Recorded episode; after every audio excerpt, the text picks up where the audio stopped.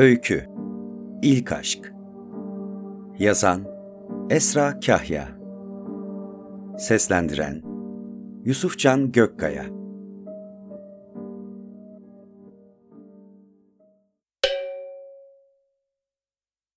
İnsan aşık olacağı günü ve saati bilmeli bence.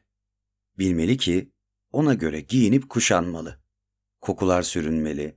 Hiç olmadı bir haftalık sakalı elden geçirmeli. İnsan aşık olacaksa en pejmürde halinde çıkmamalı karşısına peri. Ah o peri. Ben Cemal Tigin.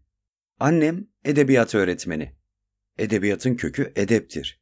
Diye diye hem edebiyatı hem de edebi karakterime ince ince işleyen, annem olmasıyla namütenahi övündüğüm ve hayranlık duyduğum bir öğretmen. Geçen dönem dersime girmişliği vardı. Lakin sınıfta sana ihtimam gösterince diğer öğrenciler ayrım gözetiyorum zannedecek Cemal. Olmuyor böyle diyerek anne oğlu ilişkimize gölge düşürdüğü için bizim sınıfı bıraktı.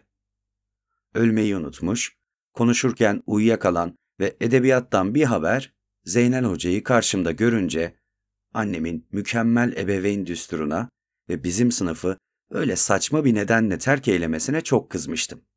Fakat bu öfke ve Zeynel Hoca'nın yetersizliğiyle beslenen bir şeyler yapmalı dürtüm birleşince sınıfta yedek edebiyatçı adıyla anılır oldum. Sosyal A sınıfıydık ve haftada 5 saat edebiyat dersimiz vardı. Zeynel Hoca sınıfa girmeden evvel zihnini dış dünyaya kapatmaya, boyun bağını gevşetmeye başlardı. Öğretmen masasına oturur, yer yer eprimiş, siyahlığı unutulmuş evrak çantasında her seferinde aynı yere koyduğu halde bir türlü bulamadığı dolma kalemini aramaya başlardı. Mühim bir şey kaybedenlere has, koca koca gözlerle bir elini çantaya daldırır, diğer eliyle de çantanın kapağını tutardı. Dakikalar süren bu saçma hafiyelikte Zeynel Hoca'yı göremezdik. Çünkü kafasını da çantanın içine sokar ve nerede bu yere batasıca diye tıslaya tıslaya kalem arardı. Olay akışının bundan sonrası da hiç şaşmazdı. Burada işte diye hohlayarak aradığını bulmanın o tatlı rehavetini ekşi bir nefes kokusuyla üzerimize salardı.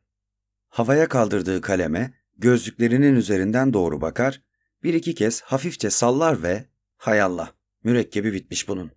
Yoklama yapacaktım tam da. Oğlum Reşit sen akıllı adamsın sende mürekkep vardır derdi Raşit'e. Çocuğun adını hiç doğru söylemezdi. Raşit de hocayı bozmaz, senin benimle konuşuyormuş gibi lakayt bir üslupla ''Yok hocam, geçenlerde kapağı açık kalmış. Çantamda ne var ne yok mürekkep olmuş. Annem bundan sonra sana mürekkep falan yok.'' Daha Raşit'in cümleleri bitmeden bu diyaloğun gidişatını hatırlar ve kendine gelirdi. Hadi oradan hergele, anası kızmışmış da, mürekkep akmışmış da.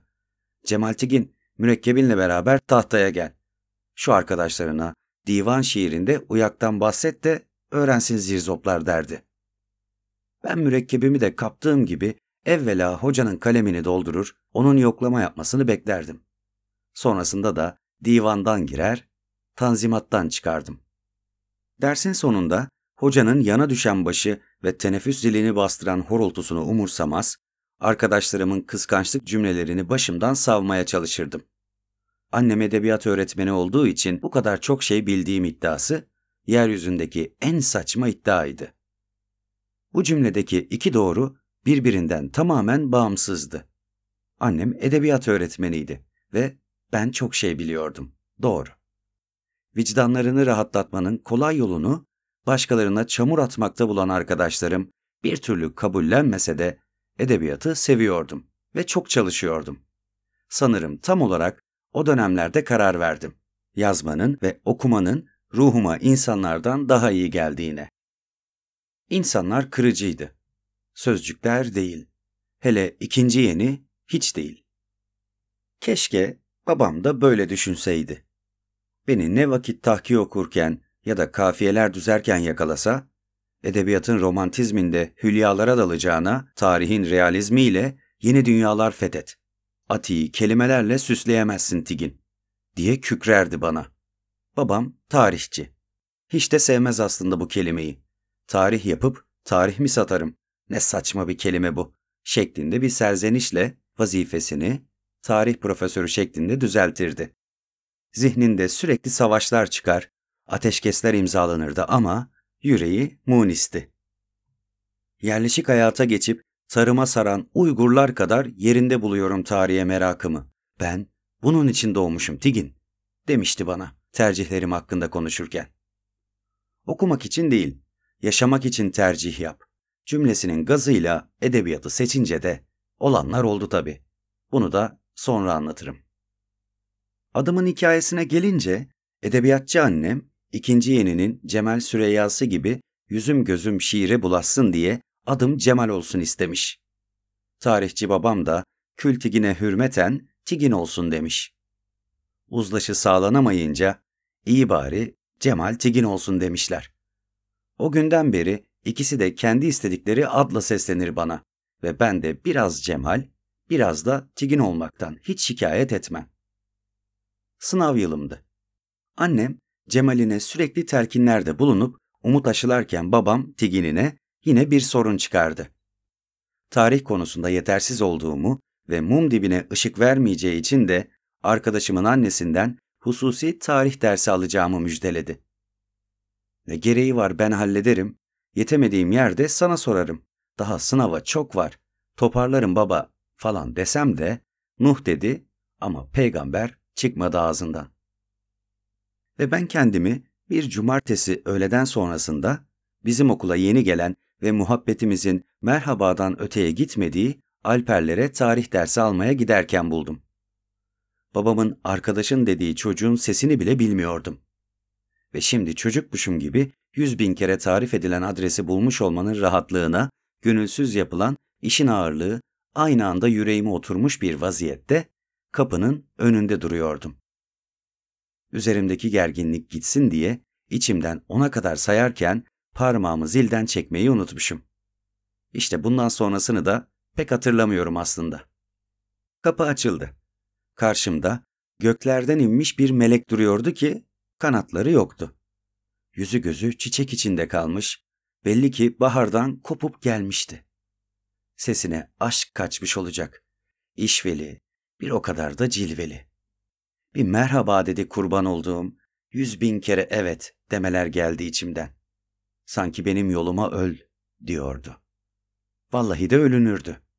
İnsan bu güzellik yolunda ölürdü. Hatta bununla yetinmez, bin kere aşık olmak için bin kere daha dirilirdi. Elleri bir musikinin en can alıcı güftesi oldu. Dokundu ellerime, beni içeri çağırdı. Yürürken saçlarından ışıklar süzülüyordu ve ben yol boyunca o ışıklardan güneşleri derledim. Allah'ım, aşık oldum.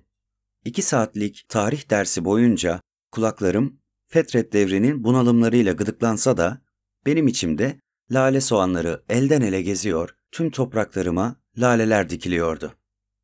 Ben deli gibi gülümsüyordum. Yüreğime lale devri gelmişti. İşte şimdi çalsındı davullar, oynasındı kızlar. Kafam her aşınki kadar güzeldi lakin üstüm başım pejmurde. Keşke bugün burada periye aşık olacağımı bilseydim de mezuniyetim için dikilen takım elbisemi falan giyseydim sinek kaydı bir tıraş sonrasında babama Paris'ten gelen esanstan sürseydim yanaklarıma. Saçlara da biraz limon sıkıp tarakla geriye doğru tarasaydım. O vakit peri kızı da kesin bana aşık olurdu kesin. Evlenirdik belki dersten sonra. Ah keşke haberim olsaydı ya. Şimdi hiç şansım yok. Cemal Tigin beni duyuyor musun? Çelebi Mehmet diyorum. Fetret diyorum. Ben de fethet diyorum. Tüm kara parçalarımı, Afrika dahil. Peri kızının sesiyle kendime geldiğimde gözlerini gözlerime dikip yiyecekmiş gibi bana bakan Alper'i fark edip irkildim. Bazı bakışlar evrenseldir. Yeryüzünün her yerinde aynı anlama gelir. O bakışı anlamak için dil bilmenize de gerek yoktur. İki kara gözden delice fışkıran bu bakış annemden uzak dur, diyordu. Öyle ya, insan arkadaşının annesine aşık olur muydu?''